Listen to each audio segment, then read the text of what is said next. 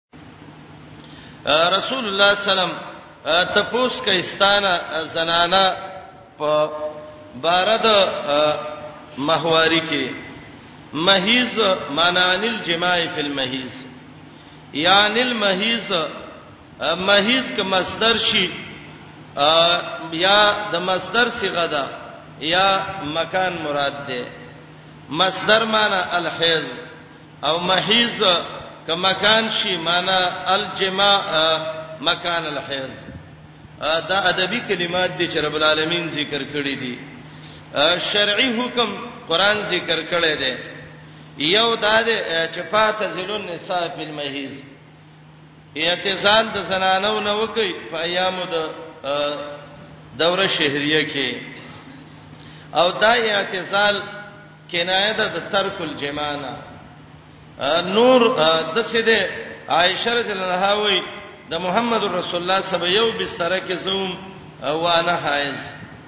او ما به غوخه وخړله محمد رسول الله به پاړو کې اق زبانه خله کې خدا هغه به وخور واتعرق العرق ما به به خور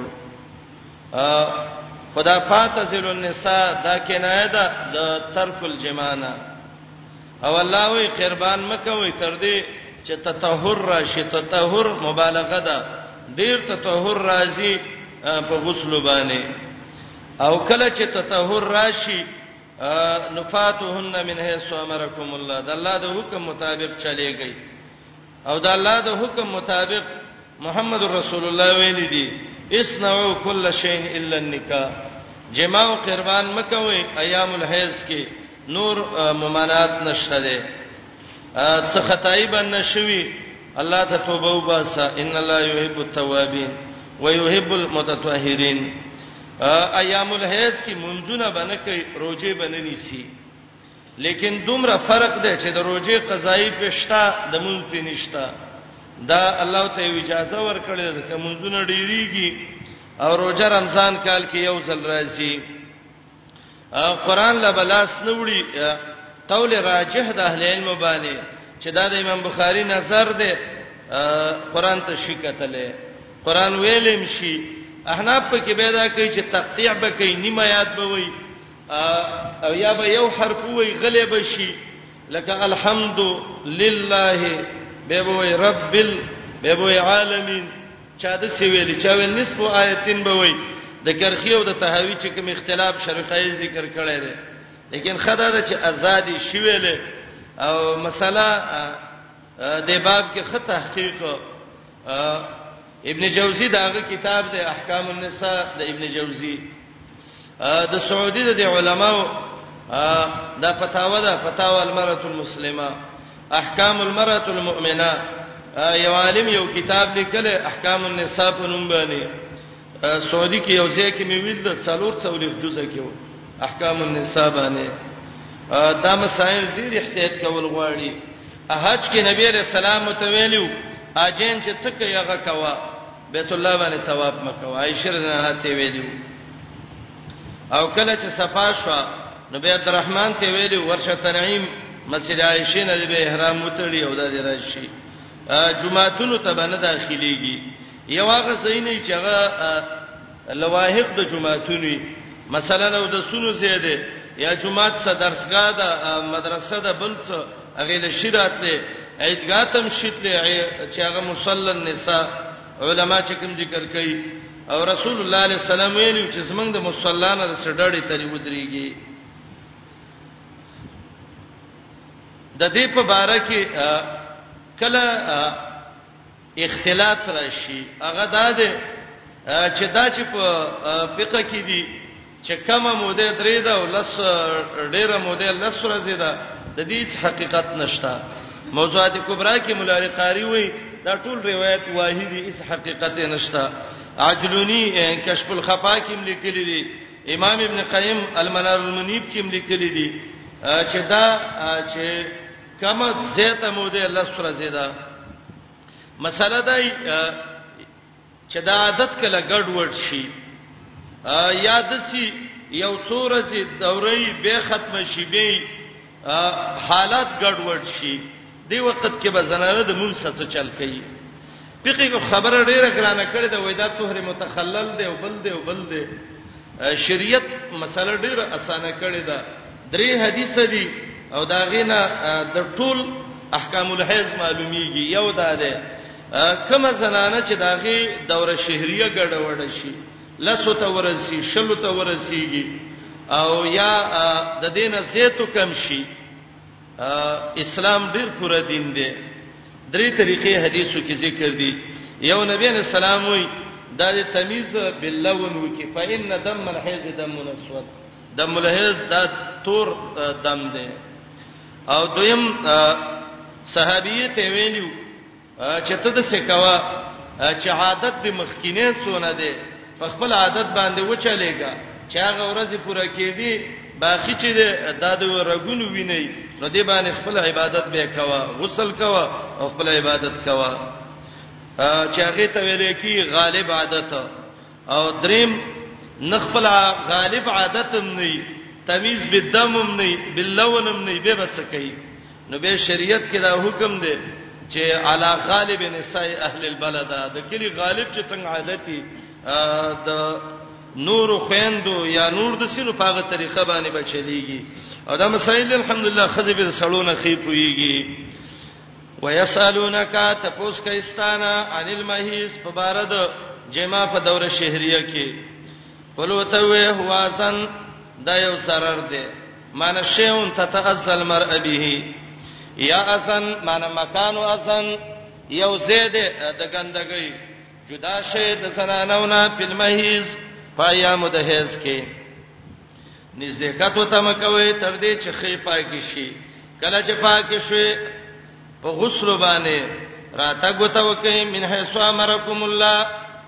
په هغه طریقه چې الله د ته حکم کړي دا هغه حیثیت نه چې رب حکم کړي یقینا الله مینا ساتي د توبه استون کو سا مینا ساتي د پاکون کو سا نساؤکم زنان استاسی تعبیر په نساو کو چې وین د ټولو ته شامل شي ازواج یو نو ویل د کاله په مشترکو حرث لکم زید فصل ستاسو دی راته وکي خپل فصل ته ان شیتم په کومه طریقه چې مخه می شریعت چې خودلی وقدموا لانفسکم مخکواله وکي خپل ځانونو لا هغه التسمیه عند الجماع یعنی د ولد صالح ویریږي د الله نه پوښي انکم ملاقوه چې تاسو مخامخ کیدون کې وې د الله سره زیره ورکې مؤمنانو لا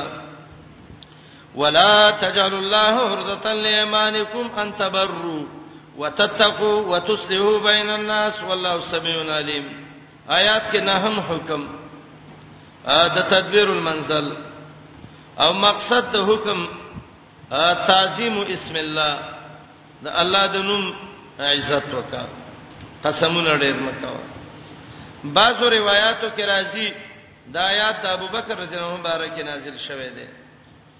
ابوبکر قسم کړو زب په مستح خرچا نه کوم ابوبکر قسم کړو چې زره ملما سناستم اده سینه چې د ملما نه سړیر روړی وخرم قسم دې زبر ملما سره روړی نه خرم مخه ته به ولګدم چې په خپل طبيعت ملما وخري او د ابوبکر عادت داو میلمله به ډوړی راوړه او ورور څنګه کور ته لاړم په خپل ته به وخره دا او په دا ډوړی او ارت سم لړډیر راوړ چې کله ته مور شو کزناستم د سینې چې شرم وایاو کې ناشنا ملما دوست سړیو یا دویم دا چې دا آیات د عبد الله ابن رواحه رضی الله عنه بارکه نازل شوه د قسم کړو چې زبر د بشر ابن نعمان څخه خبرې نکوم او دا او خیر دو آیات راغې قسمونه مکوي دا الله نوم دال مگر زوي چې نیکی نه کوي پرېزګاری نه کوي صلح نه کوي عرزه عربی کې دوه معنی دي یو معنی هدف او نخې ته عرزه وایي یو شی دی ودرولې دی او فلانی تیم ول او زیم ولم د ته عرزه وایي او دویمه معنی عرزه مانع ته وایي دال ته وایي مانع ته وایي او د آیات کې اقوال خډیر دي خو زه دوه تفسیر کوم پکې چې هغه ډیر ښه مناسب د دې آیات سره دی یو معنا ولا تجعل الله مگر زوین نوم د الله عرزتن مانع او ډال لایمانکم د خپل قسمونو د پاره ان تبرو الله تبرو چې قسم وکې چې زبانی کې نکوم قسم دی وک زماره په الله قسم یې زمون نکوم روزه باندې نیسم وتتقو او ډاله مگر زوی د دې چې زمنګ دې قسمی چې پرېزګاری باندې کوو وتسلو بین الناس قسم کوي د دې چې صلح باندې کوو د خلکو مینس کې بعضی خلک ته جرګه وکي تکلیف ته ورسی یاره وای ما قسم کړی زه به جرګوي ګوتې نه وام نه جرګه اسلامي وکا یو خوراکي جرګه یو اسلامي جرګه خوراکي جرګه دوه وران شوې دي او پنځه منځ کې ناس دي لس پنځه د یو په طرف یو پنځه د بل یو یو ته شیطانی کوي یو بل بل ته او یو یو ته پلاني نن به ته ګډالاله او بل به ته وای د څه څورب ګډالال کړو غره چې ته په کمزورې نشي دا فراکی جرګي دې کې کیناستل ګناه دي جرګمار چې جرګه کوي خپل ډوډۍ دی وخوري چې خبره په اثر باندې پوه شي قسم دې نه مکوي قسم می دی نیکی باندې کوم ما قسم کړل زمانو ری خېګړې نه کوم تقواګانو کې می قسم کړل تقوا باندې کوم قسم دې صلح باندې کوم الله وې د سم کو مړه دا الله نوم درا واغست او ته دغه دی وکدا ډال دی وګرځاو د دې د پاره چې نیکی او تقوا او دا باندې کوم کبي خې ډالې ګرځې د سی ویوا چې قسم په الله د ګناه کار باندې کوم د تقوا خلاف باندې کوم فساد باندې کوم یو معنا مگر زوی نوم د الله ډال د قسمونو لپاره ان تبرو الله تبرو وتتقوا الله تتقوا وتصلحوا الله تصلحوا یا کراهیت ان تبرو چې دا احسان بد غنئ یا الله تبرو دا یو معنا ده دویمه معنا عرزه دا ورزتن دا مفعول دی او تقدیر د من دی او ورزه په معنی د مانع سا نو معنی بدای مگر زوی نوم د الله منکون کې د دې کارونو نه همدغه سړه معنی ده مگر زوی نوم د الله منکون کې د دې کارونو نه چې د الله نوم یو مانع وګرځي چې نیکی نه کوم ولی ما د الله په نوم قسم کړي تقوا نه کوم ولی ما د الله په نوم قسم کړي صلح نه کوم ولی د الله په نوم می قسم کړي نو معنا بدای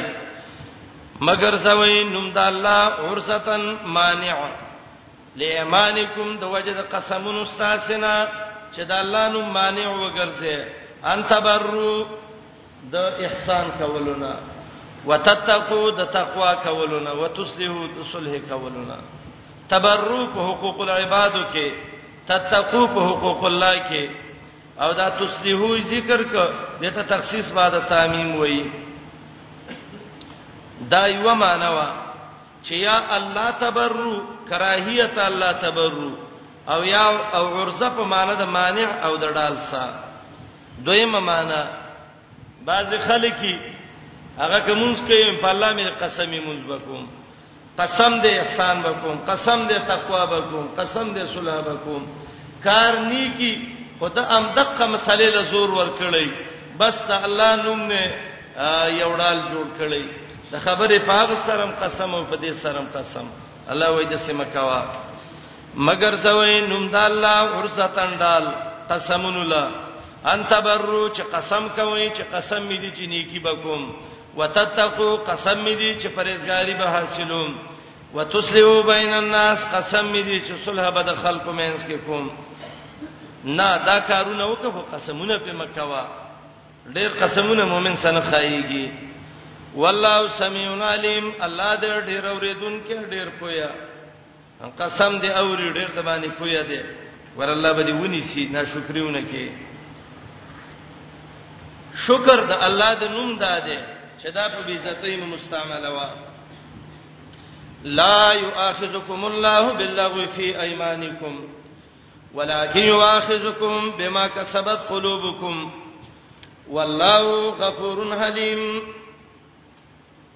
دې آیات کې یو قسم د قسم دی چې هغه ته قسم لغو وایي جمهور علما وایي قسمونه چې دي درې قسم دي یو د قسم غموس داغه قسم دی چې یو کار دې کړی دی خدر ته یاد دی خه په طبيعت کې ویو تا چاته وندا کار دی وکته وې زما د الله په ذات قسم ایمان نه دی کړی جمهور علما وایي د دې کفاره نشته ده د دې کفاره څه د غموس ته غمس نه ده غمس غوپې ته وایي الله به له جهنم کې غوپې ورکی د جهنم په ور به الله رب العالمین وسیږي دویم قسم قسم نه هغه ته منعقده وایي هغه قسم چې انعقاد دې د دې وکړه چې زبا دا کار نه کوم څو وخت بعد تا ته یا ضرورت پیښ شو یا د بل طرف ته مصلحت پیدا کو دا قسم ماته د دې به کفاره ورکی کفاره کمزې کېده سورته مائده وګورئ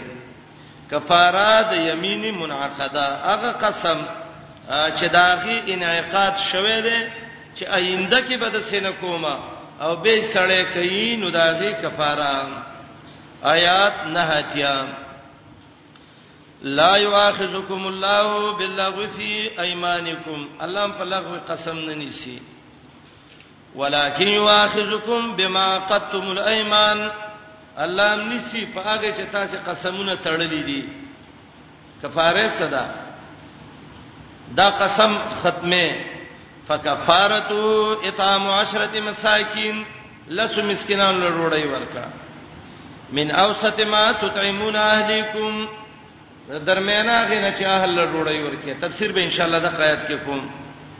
او کسوتهم یا لسل جامع وکا او تحریر رقبتین یا یوم ریزات کا دا یوم نو فصيام ثلاثه ایام بدري ورځ روجي ونیسه ډیر خلک داغه د عادت ګرځیدلې قسمونه کوي د خبرې په دې سرم قسم واغ سره خبرې په دې سرم قران دبي او پاک سرم دبي محمد رسول الله وی دا منافق دی ډیر قسمونه چې څوک کوي دا منافق علامه ده او قسم دی وک به به قسم خیل ساتي تعظیما لاسم الله د الله د نوم قسم به ای دغه به کې عزت به کې درې ورځې روزي بني سي لاسو مسکینان لبیا ډوړی ورکه یا بوله جامې کې دریم قسم دی هغه ته لغو وای لغو کې نه کفاره شته نه کې بل څه جزا شته مناقضه کې کفارم ده او توبم ده غموس چې دا لوی ګناه ده او قسم لغو څه ته وای امام شافعي رحمت الله علیه وای داغه بلا ارادي قسمونه لکه بعضی خلکو دا غي دا خله د شی ولا چې پلانې چې دا شی چې وای دم ډیر خنه دی امام سی وای دا قسم دی وای خو امام شافعی رحمت الله علیه وای دا بینه ته د قسمونه دا وای په لغوه کې دی لا یؤاخذکم الله الله ننی سی په لغوه باندې ابن حزم ذکر کوي چې څلور قسمونه دي درې دادی لغوه منعقده غموس د ټولو کې کفاره ده او توبه ده لغوه کې نشته او د نورو دواړو کې شته یو دریم قسم قسم دی چې هغه ته یمین الصبر وایي یمین الصبر هغه قسم دی یقتطع بها مال امرئ مسلمین پر دې مال باندې قسم وکړه پر دې شه دې ته قسم وکړه ازمکه باندې اختلاف دی ویرا شته په قسم وکړه د په وکړه د دې به کفاره نشته کفاره دا ده چې تر وو زمکو پورې الله به ته دا په غاړه کې قیامت کې واچي او دا مؤاخذه دوه قسمه ده الله په چې الله نه نسی په دنیوي امورو کې دا لکه کفاره اخروی امورو کې دا لکه عذاب قسم لغوه کې نه کفاره دنیوي شته ده او نه مؤاخذه اخروی شته ده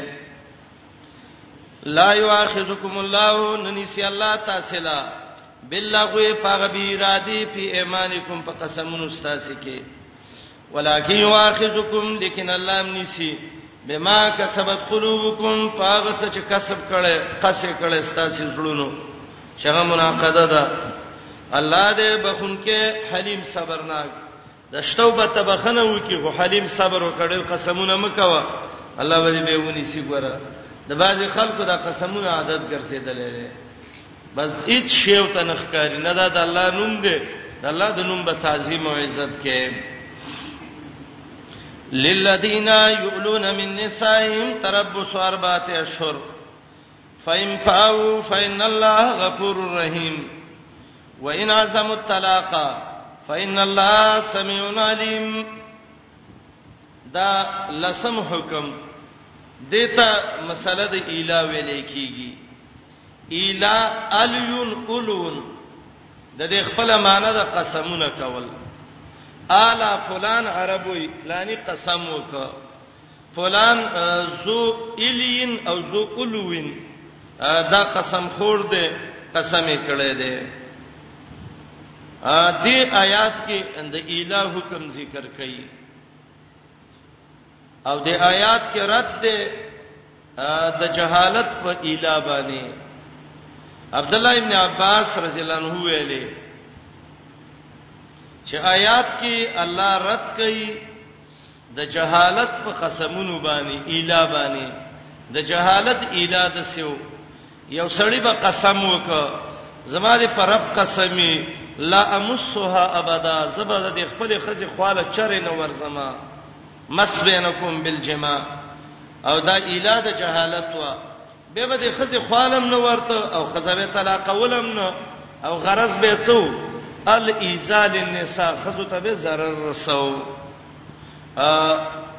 دا د جهالت علاوه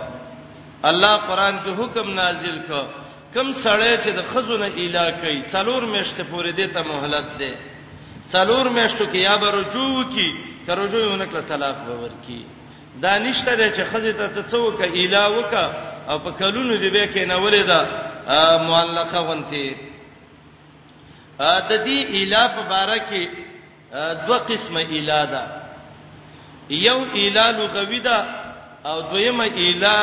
اصطلاحي ده لغوي اله ویل کیږي مطلق قسم ته دار څلور میاشتونه کم چی دته می اله وای لغوي معنی باندې ک یو ورځ یې متوي او کله سی او کشلی دې آیات ته لږه توجه کوئ ښا د اکثر آیات باندې سره پوی نشي یې څه مقصد دی نو یو اله لغوی دا معنی څه ده قسم او دلیل دا دی عمر رضی الله عنه وی بخاری کې روایت ده و یوزم یوزما گاونډیو یو ورځ به زه درس لتلم یو ورځ به هغه ته چې هغه بلال ما به د دنیا کار وکړ چې زه بلال منو به ما هغه وکړ چې کوم یو برالو نو بل مرګري ته هم سبق ویو دا وې زما د گاونډي طریقه وا او دی ورځو کې د غسان بادشاه لا په کولې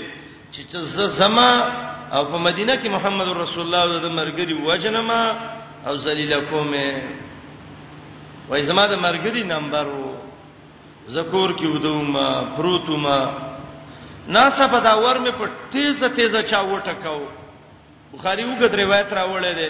او دته حدیث المشربه وایي و چې پام مې وکړ زما د مرګره و او ډېر روب نیولې و ډېر hebat کې و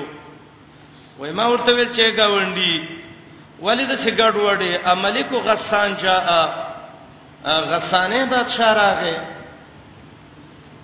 وای ما ته ویل چې غسان بادشاہ نه دی راغله مسله د دینم ډیره سخته ده وای من چې څه چل شوه دی وای چې طلق رسول الله نساء محمد رسول الله خپل خزه طلاق کړي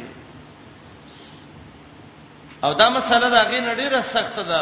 ځکه غسانی مسله کو بارنۍ خبره ده بارنۍ سړی سره جنگ آسان دی خدا کور کې لانجه جوړه شوه د کور لانجه ډیره سي سختې عمر رسول الله یې زرا روان شوما او قصه د سیو چې دا بنی وی نو دا دوه ډلې جوړې شوې وي یو د عائشه رضی الله عنها او یو د حفصه ډله او د عمر لور وای زرالما او چرالما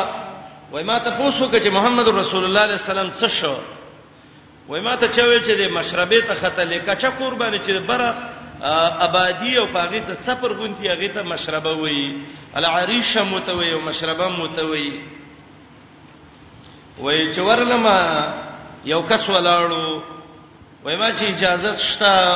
وای نبی رسول الله ته ویل چې عمر دې اجازه شته کنه وای هغه اجازه ونکړه راستون شمرالم دا خپل لور مې وا حفصه دې تم غوسه شوم ته گزارونه مې په وکړه او دې کې دې ته اشاره ده چې لور د واده نه روسته ورانه کې پلار ورورې بهم والي شي عمر رضی الله عنه دا لور والا تیمم حدیث کې راځي عائشه رضی الله عنها چې نبی رسول الله دا غي په دې خپبانه سری خيو وای فجعل يطعنني په خاصرتي ابو بکر راغه او زه په دې ګوته باندې د نصیب شان دې تشو کی والما وای ما ته چې محمد رسول الله دې د کړه من کړه دې امون ټیم دې بار وبنشته دې عائشه رضی الله عنها وایي زه خوځېدم نه چې زما د خاون سر ونه خوځيږي خو به وران نشي خو پلار ډېر سخت واله من زما د مخ نه وښ کې لاړې او استداغه په مخ باندې ولګې دي محمد رسول الله رايښ شو ابو بکر و امام و عمر و امام حفصه د سلګه واله زینب لور لموته د مم خپلوانه وته مې چې زینب اے حفصه ګورته استما ویلو چې ابو بکر د لور څخه ځان مسموي تاسو ولې د څه کار کوئ ډېر بدې رد خبرې مې وته وکړې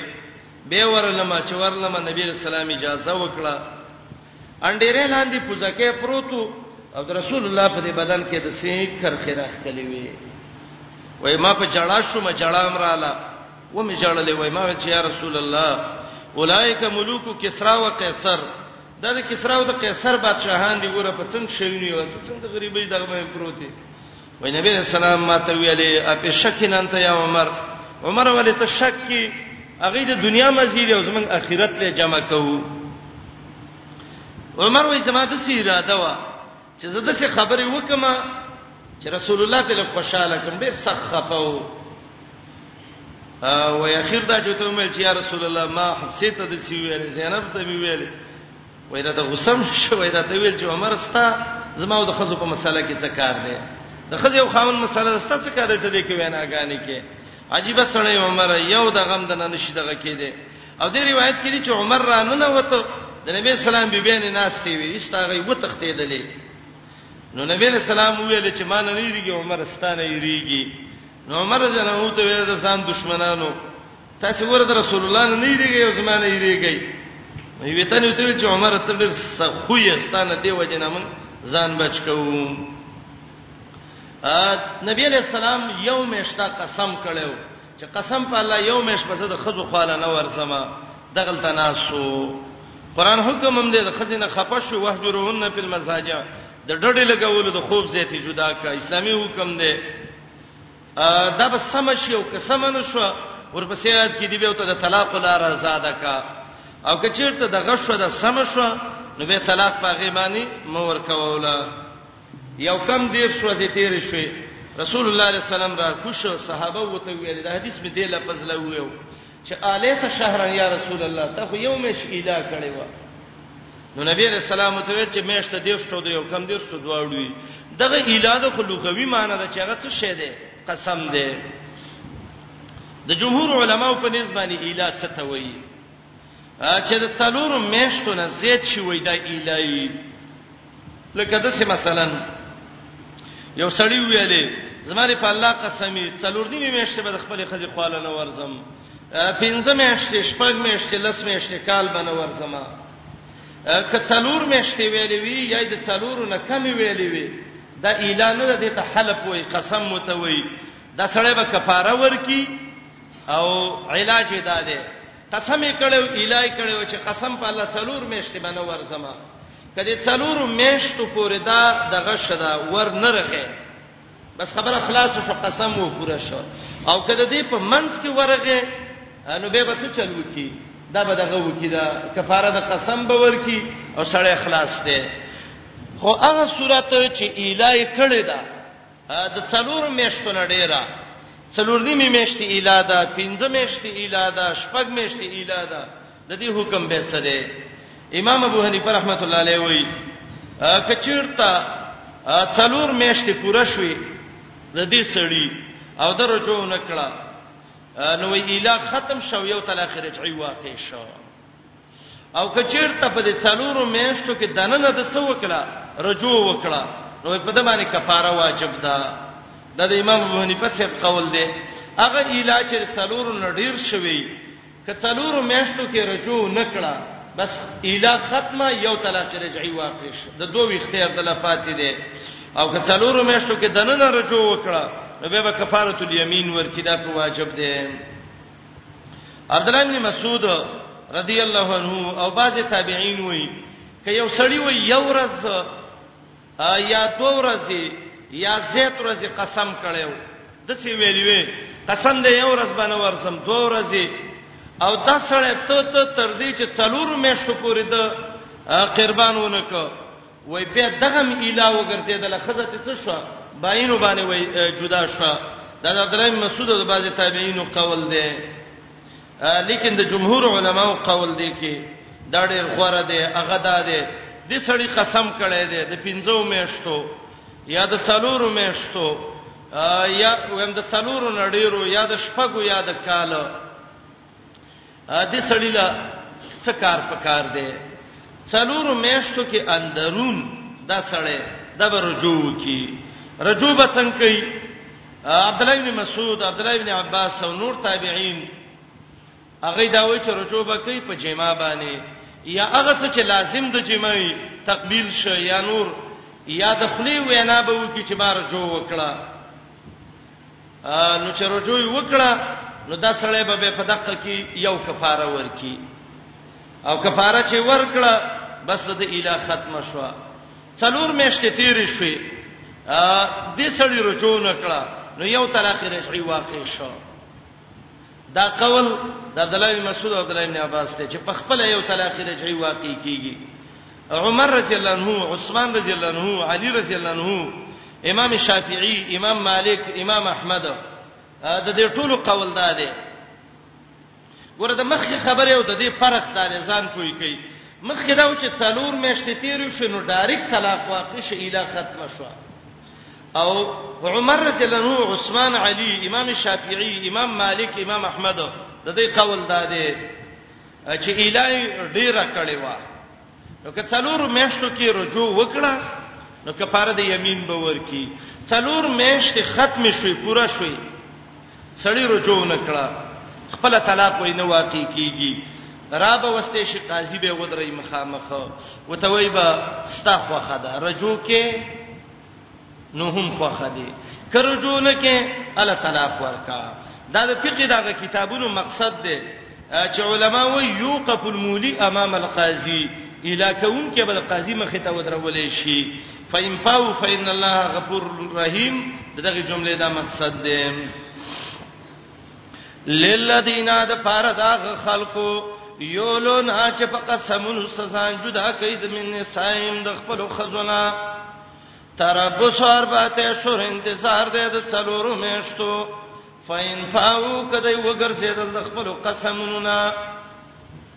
فإن الله غفور رحیم یقینا الله دې بخون کې رحم کوونکې کفاره به ورکی خبره به خلاص شي و ان اعظم الطلاق ک قص کړو د طلاق څلور میشتو کې رجوع نکړه بس طلاق به ورکی یا په خپل واقع کیږي یا به قاضي مخ کې ورکی فإن الله سميع عليم یقینا الله دې ډېر اورېدونکو ډېر پویا والمطلقات يتربصن بانفسهن ثلاثه قروء ولا يحل لهن ان يكتمن ما خلق الله في ارحامهن دې آیات کې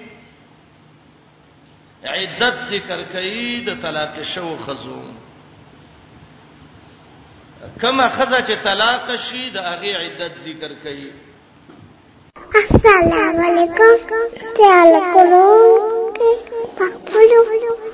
دعا غانا کې حتا ته مطلقه هغه خزه ته وای چې خاون ولا طلاق ورکی اسلام ډیر د عدل او د انصاف دین دی خزه دا خاون دی د یو بل سره کور جوړ نه دی ار ورځ ډب او غب دی او گاونډین دوی ته ولاړی څه باندې کې چې بس د خزې ژوندم برباد شي او د سړیم برباد شي شریعت حکم ذکر کړی دی یو جرګمات ول جرګه وکي څه د خزې طرف نه یو څه د خاون نه که خزه ورانه کې غي ته دی وای سم شو که سړی ورانه کې ته دی وای سم شي نکیږي دا غینم بعد شریعت کې حکم دی چې طلاق دی ولور کی طلاق ګناه نه ده طلاق شریعت جایز کړی دی محمد رسول الله صلی الله علیه وسلم یو خزا وکړی و ابنه الجون چې ته بخاری کې روایت ده هغه چې خاله ورغه ولا نو هغه ته ویلې یاړې رقم اقلا وا او یا چا پوی کړی و چې دا خبره پیغمبر علی السلام ته وکته بوته ګران شي نو هغه ته ویل اعوذ بالله منک اے دا الله نبی تعالی په الله سبحانه غواړم رسول الله علیه السلام ته ویل لقد عست بمعاذنا د سي الله باندې پناه وغوښتله چې چا څوک په پناه وغواړي خلک پناه ور کوي بس ورې کلاو کو ته ویل ما طلاق کړې وسه نبی علیہ السلام طلاق کړه لقد عزت بمعاذنا صحابو کې دا عمل ډیر واقع شوی دی ځکه روا عمل دی نه روان نه دی او دې کې دا فائدې چې د خزي سم احساس پیدا شي کدي خاون قدر نکوم د د خبره نه منم طلاق را دراکې سبب بل ځای کې به ګرځما اسی مشکل سبب سر مينو سبب گزاره وکما خاون به موي چې یره طلاق ورکما او ژوند مسختیر نشي نو سبا به زبې څه مشکل سم خامخم نو دواړه به گزاره کوي حسن رضی الله مبارک راضي چې وکانه مطلقا للنساء دته به مطلق النساء ول ډېر خزه طلاق کړي وي زوی پلار خط لګلې او کوپې والا وتا چې کوپې والا د حسن له نور د نونه مور کوي د کله سکم سل خزه حسن رضی الله طلاق کړي وي مطلق النساء به وتوي هغه وته ویل موږ څنګه لور منی کو د هغه سړی نه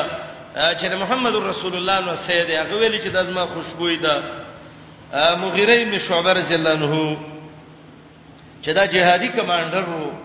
صحابه کې دا ډیر زړور صحابه چي دي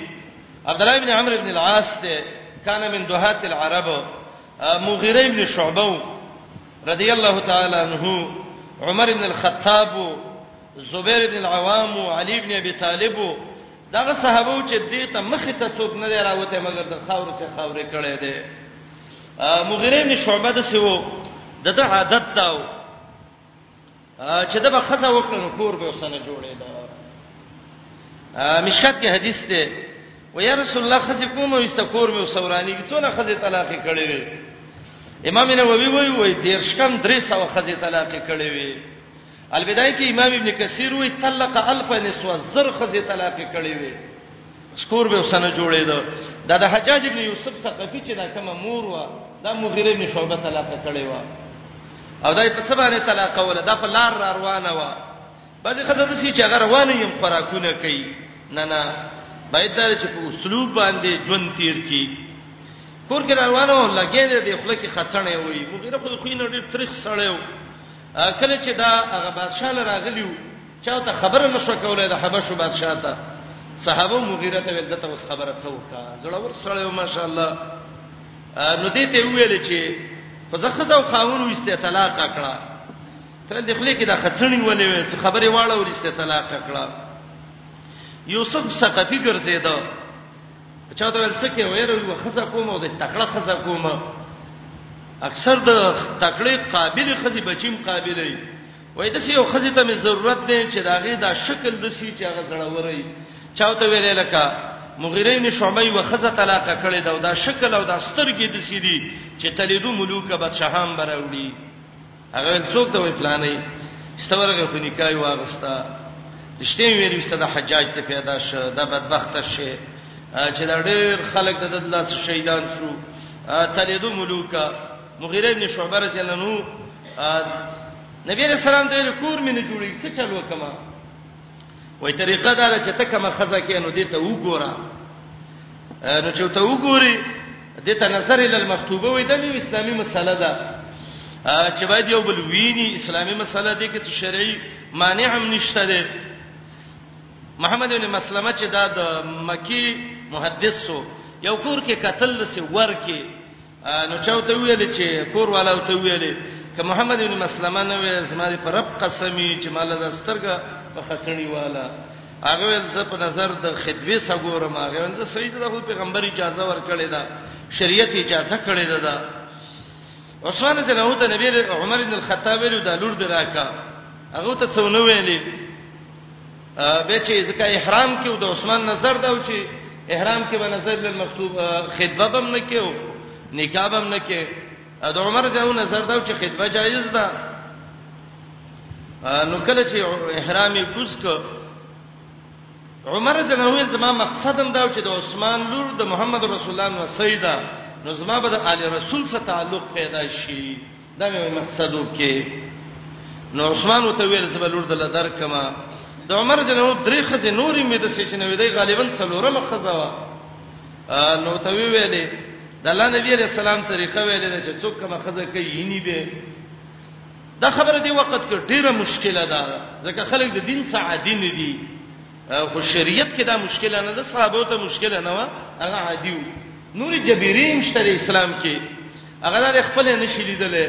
څوک ورولېګ چې هغه لویني کاغم نشي لیدل رسول الله صلی الله علیه وسلم وی دی ورونو ته وګوره فإن النساء تلدن اشباه اخوانهن سر خور ورور یو شان دي یو طریقه ده نو عثمان رضی الله عنه ته ویل سیدا نو لور ته ویل ورشامیر المؤمنین دغه کې ده دا وبول ورکا هغه چې ورغی نو عمر رضی الله عنه د خپې ته ول وکتل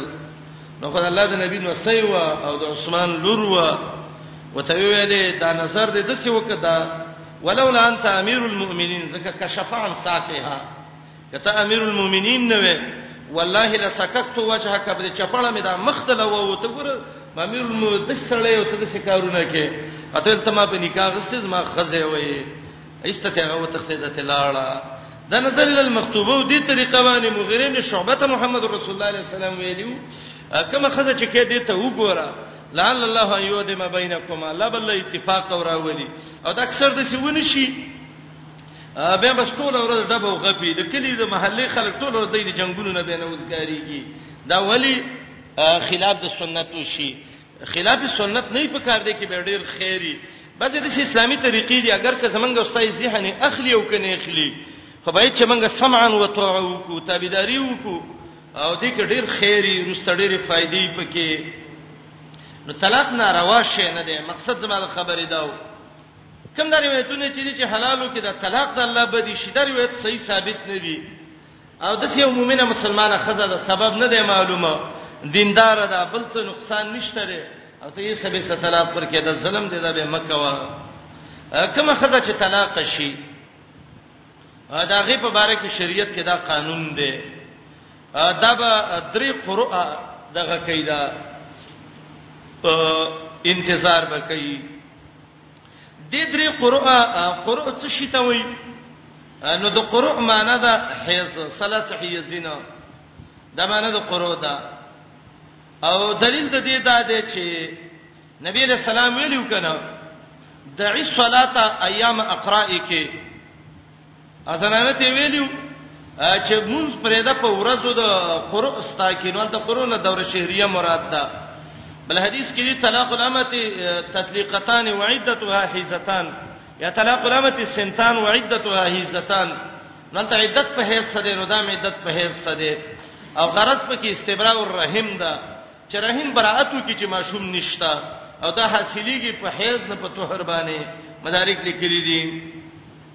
درې هیڅ انتظار وکړي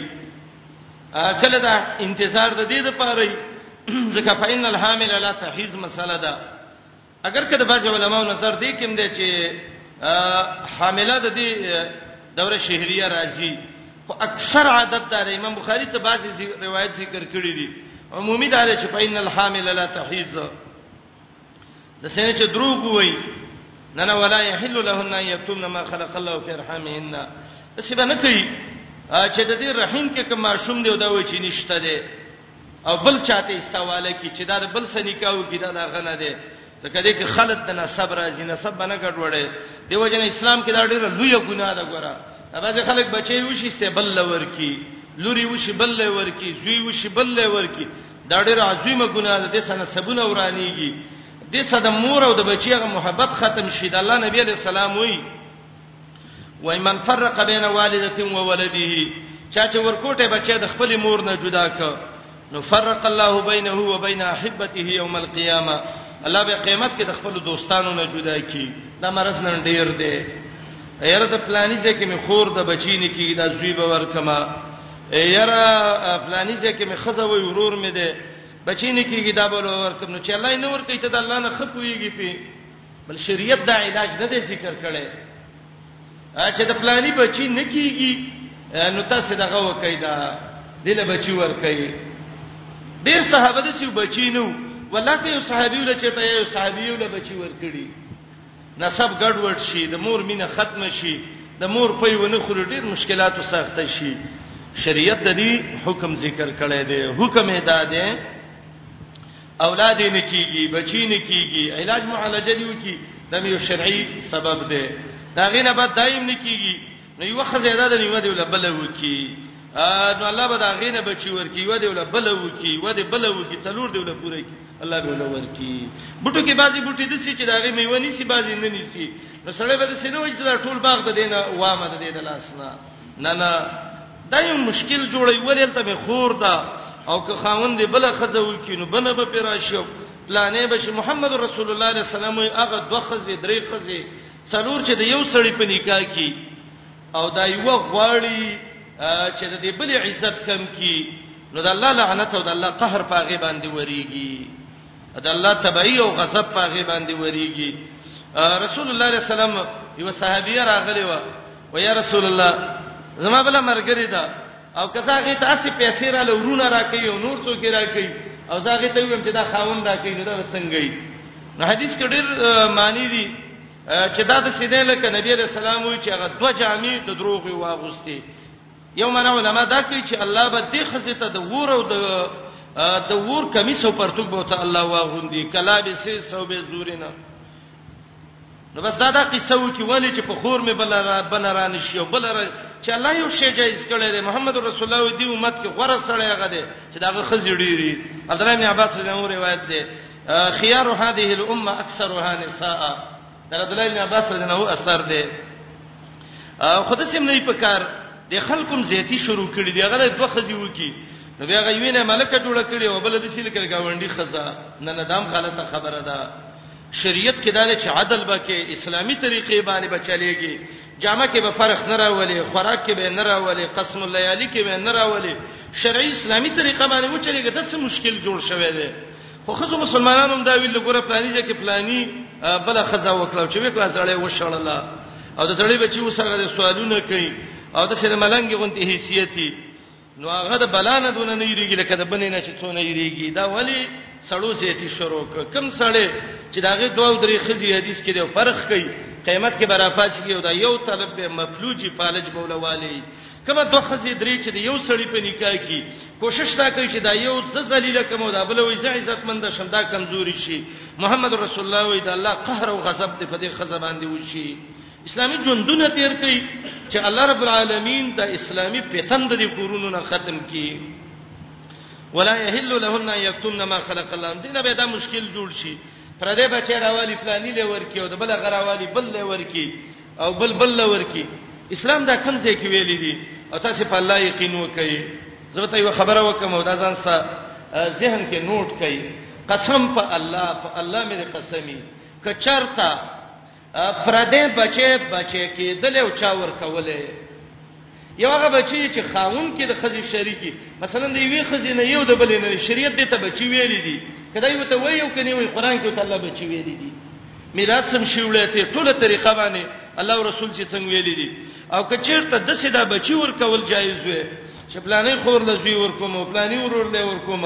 پر رب العالمین مې قسمی چې مکه او مدینه به ټوله د الکانو نه ډکوي او ټول خلکو به دا بچی راوړل او د محمد رسول الله نبی قرباني کوله محمد رسول الله زامن وو نو ستاسو څه خلې کا ابوبکر ته ویلو چې زامن دی راکا عمر ته ویلو علي ته ویلو عثمان ته ویلو دي صحابه ته ویل دوی به کوم یو ته بچی منی کړي وي ولا چې دا ټول مدینه به رسول الله د زامن نړه کوي په قران سورته احزاب کې قانون ذکر کړي وما جعل ادعياءكم ابناءكم پر دې بچي بچي نشکی کېده پردې زوی زوی نشي کېده یو سینه د دوه زړونو کې نشي کېده پردې بچي بچي نشي کېده پردې خزه په زهار باندې مور نشي کېده د الله قانون دی نن دا فتنه ډېر عامه شوې ده ولې شیبان هم دا قصې کوي قارینم کوي امینم کوي اجینم کوي تبلیغینم کوي جمعتين هم کوي دا ټولي کوي دا ولې د خلکو د الله د نبی د حکمونه د سیګارډ ورکړه ولا يحل لهن ان يكتمن ما خلق الله في رحمهن دې ته فهم د قران او آیات مقصد دا دی چې پر دې بچي به د بل چا سره دغه کې ان كنا يؤمن بالله واليوم الاخر کله رسول باندې چا باندې ایمانی یو ماشوم پیدا شو دا غي مور مړ شي هغه بل چاله ورکول شي تاسو بلک صبر وکړئ والوالدات یردین اولادهن ان شاء الله دا قضیه کې روان دي دا غي طریقه چې هغه څه طریقه ده ان شاء الله بیانو مې کله په خیر ورور رسول دي پورې مخ کې ده دا یو قسم خزي چې هغه طلاق شوی دي درې حیزه به انتظار وکي دویم قسم عدت خود دې مطلقاتونه هغه مطلقې مراد دی ګره چې هغه مدخول به هم مطلقې خاون جماع قربان وسه شوی دغه دا حکم دی دویم قسم د سې دي چې هغه غیر مدخول به هادي نو داغه عدت وګورئ قران کې سورته حساب راوړوي دا د عدت آیات اوس هم به نو هم نور څه قران کې رستا به به چې دې عدت سره او دې سره سورۃ احزاب وګورئ غالبا یو کم 50 آیات دی لکه چې الله د عدت ذکر کوي د هغه خزي چې هغه غیر مدخول به هاده کوژدن شوی دا طلاق شو یا عقد شوی دا دغه سي طلاق شو یا ایه الذین آمنو اذا نکحتم المؤمنات ایماندارو کله چې نکاح وکړئ د مؤمنانو سره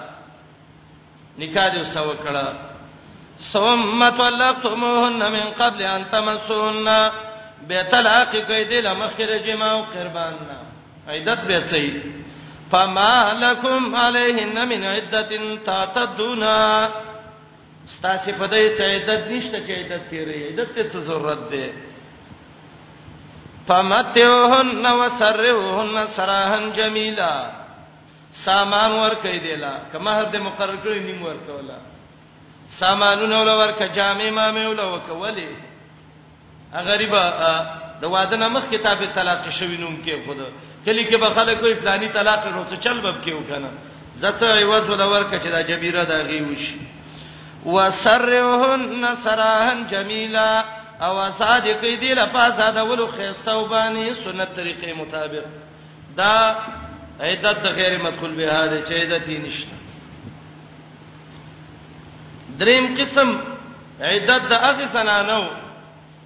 چې خاوند یې مړ شي او دا په ایام الحمل کې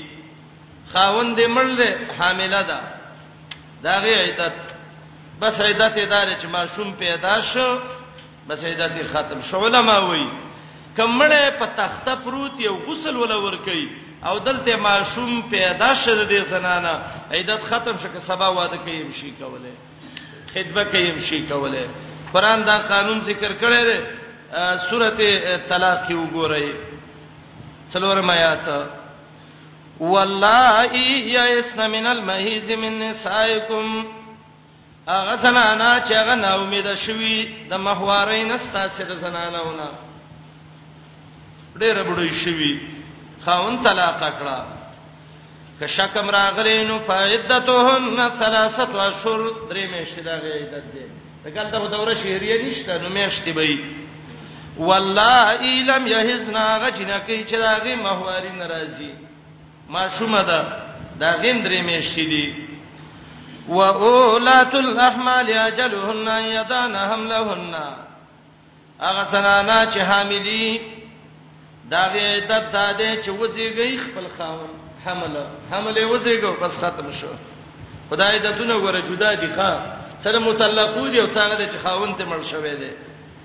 چې به باندې خبرت رانه شي او کومه زنانه چې هغه وینځي نو دا غي حکم حدیث کې دی چې طلاق دو دی عیدت دو میشتې دي وینځي توپ رقیت د دې لپاره احکام نیم نیم دي او چون کې طلاق درې دي یو نیم طلاق نه نو دو شو عیدت بالحیض درې دي یو نیم نه نو دوی حساب کو معنی ته وګورئ والمطلقات طلاق شوی خزیه تربسنا انتظار بکې بیان پوسه نه په خپل ځانونو باندې انتظار یې راځي چې بل خاون سبنی کان کوي ثلاثه قرون درې هزا ولا يحل لهن حلال ندي دي زنان اولا ايتمنا چې پټ کړه خزه ما خلق الله هغه ما شومان چې الله پیدا کړی دی په ارحامهن رحمونو د دې کې منبت الولد ما شوم چې کم ځای کې پیدا کیږي او کم ځای کې نشو نما کیږي ته رحم وای او کم خلق چې هغه په یو رحم کې شریکي هغه ته قرابت النسب وای وای دا اولو الارحام دي ان کنا کیدا سنانه چې ایمان راوړي په الله او فورز د اخرت دا ټکی ولي ویو ذکر دې خزونه څوک خبر ده چې حمل شته او کې نشته ده والله ته وی ته مؤمنه الله منی اخرت منی پام کوا چې زیته ونه کې دا بچي پیدا شو پلار سبي کې د مور سبي حدیثو کې به د دې مسله ده باب خزانه الولد د ماشوم حفاظت به څوک کوي بعض علما وایي بعض روایتونو کې دي اول خو اتفاقی په دې باندې ده چې د بلوغ پورې دا ماشوم به د مور سي چې ماشوم غټ شي هغه پورې ماشوم به د چا سي د مور سي هغه نه بعد پلار پسې بزي یا به اختیار ورکړې شي یا به قرعه او خڅنه واچلې شي خو خدا دا چې بلوغ پورې به مور سي خرچه به په پلار کوي چې بالغ شو به با د دغه سزیدا د پلار په سزي او یو صورت شته دی هغه دا دی دا خزر افات دا وادي وکبل ځکه نو قیاده دا ده زنانه چې د پردي بل سړی سواده وکي نه به د زوړ بچی خیر ساتي او نه پردې پلار په خپل بچی باندې پردي بچی باندې د پلارونو شفقت کوي به به د خزي خپلار راشي غبت والی او وی به سي که خاوند دې مړو د ماشوم پلار مړو دا یتیمو ورثه به ته به وی سي د تباب خزانه الولد وی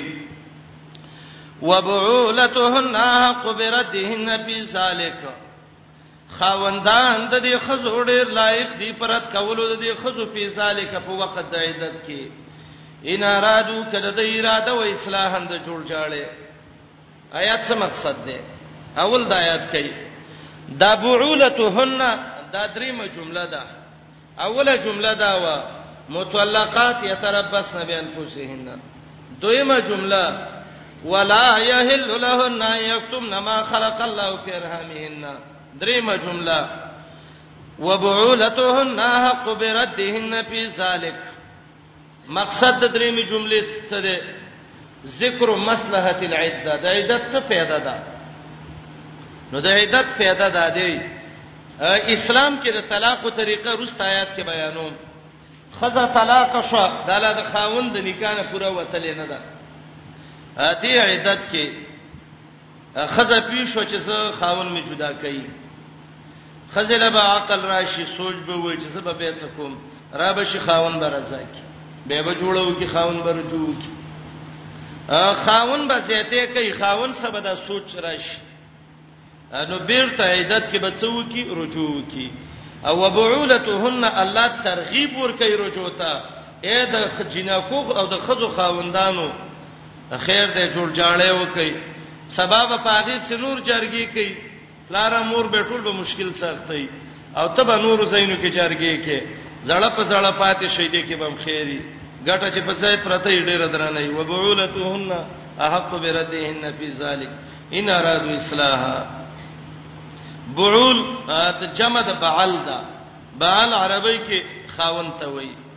او بعلون خپل معنی د اوچتواله او رفعت خاون تبعل وی لرفعته علی الزوجه درجه کې دا په خزه باندې اوچتی بیعال عربی کې جما او قربان ته وی بعل مالک سید نر مذکر مالک ته ویل کیږي او دا ټول صفاتونه خاون کې موجود دي نو لفظ د بال د دې سړی مناسب شو وهذا بعد شیخا کبیره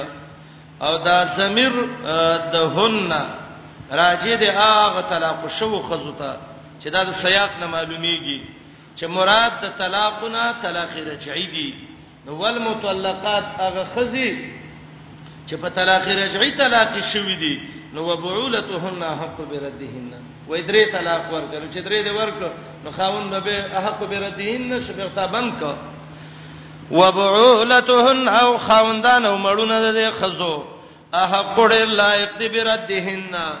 په واپس کولو د دې خزو خپل نکاح ته په ذالک په وخت د عیدت کې ان ارادو کده د اراده و اصلاح هم د جوړ جاړي ولهن مثل الذي عليهن بالمعروف دا څلورمه جمله ده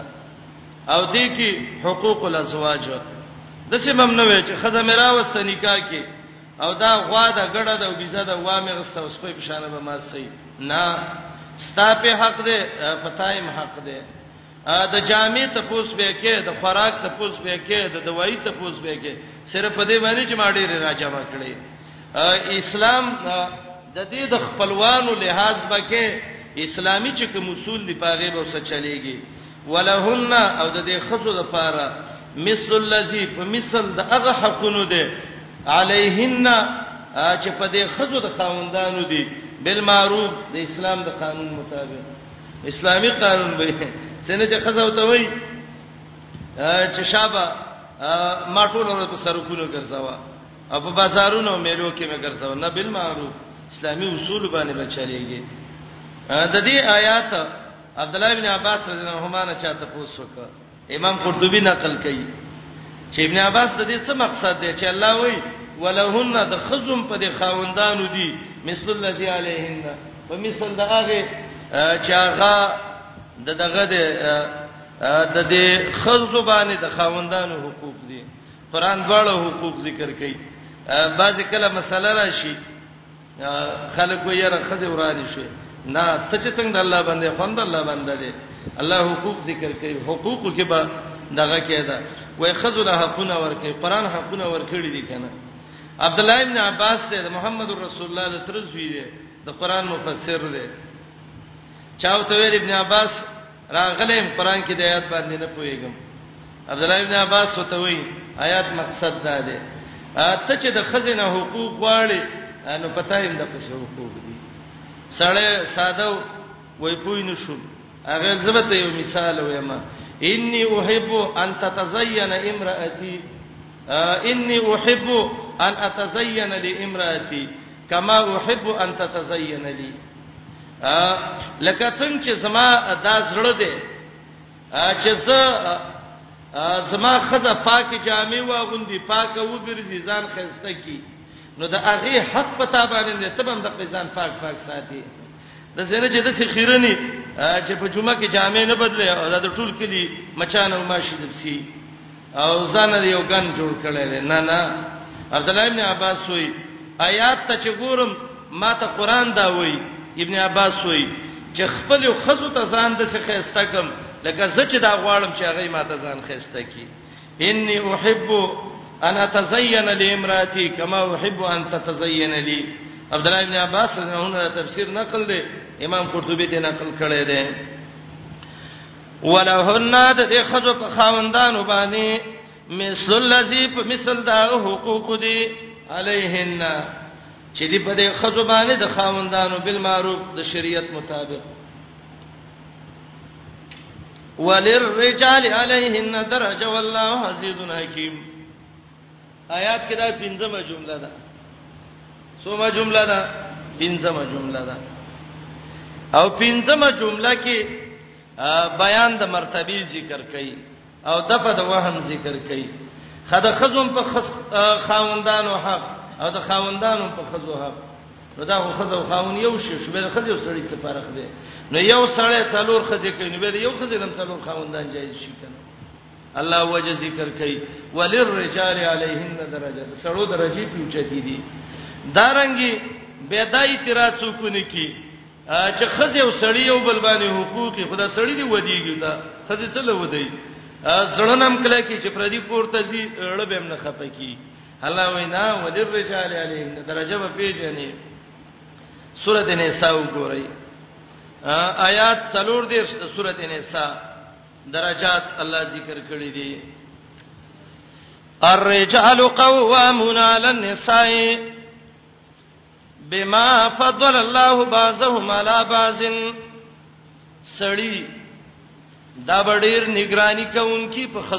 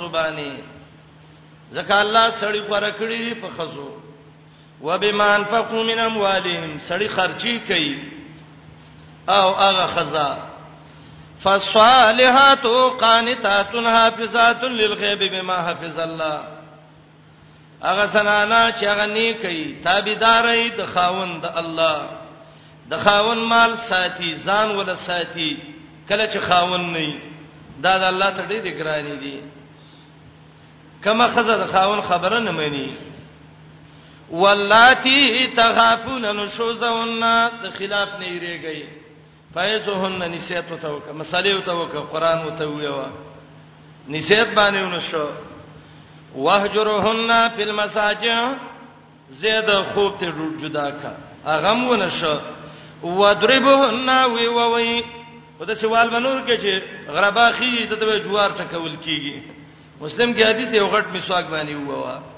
او کله کله سنری لخت باندې ووا بلان مسعود رضی الله عنه روایت ده فین اتوانکم که خبر لو من لا فلا تبغوا علیهن سبیلا بیر طلاق لار علماء لټوا خخزه شو خلاف نه کو ویز الله دې کور د باندې آباد کی او کچیر ته خبره بهم نه منله سرکشي کړي و نو الله سبیل ذکر کړي لار کولاو ده وې په مخه ده خطاله الله بل خاوندر کې مالا بل خزرا کې اسلامي حکم ده ورپسې وین خپتم شقاق بینهما قران د سلاری ذکر کړي چې به جنگ جګړه نه جوړيږي وللرجال لپاره د سړو علیهن په دې خزو درجهتون درجه ده یو درجه نه ده ښا درجه جنس ده درجهتون ډیر درجه د غوروالی دي والله عزیز الله دې سور اور حکمتناک حکیم حکمت والا دې عزیزونی ویلې اے د خزو خاوندانو تاسو خو ځان سور اور حساب وای او ظلم مکوي الله دې سور اور دې تفریح وکړئ ان شاء الله رسته ونور درس کوو الله اکبر کبیر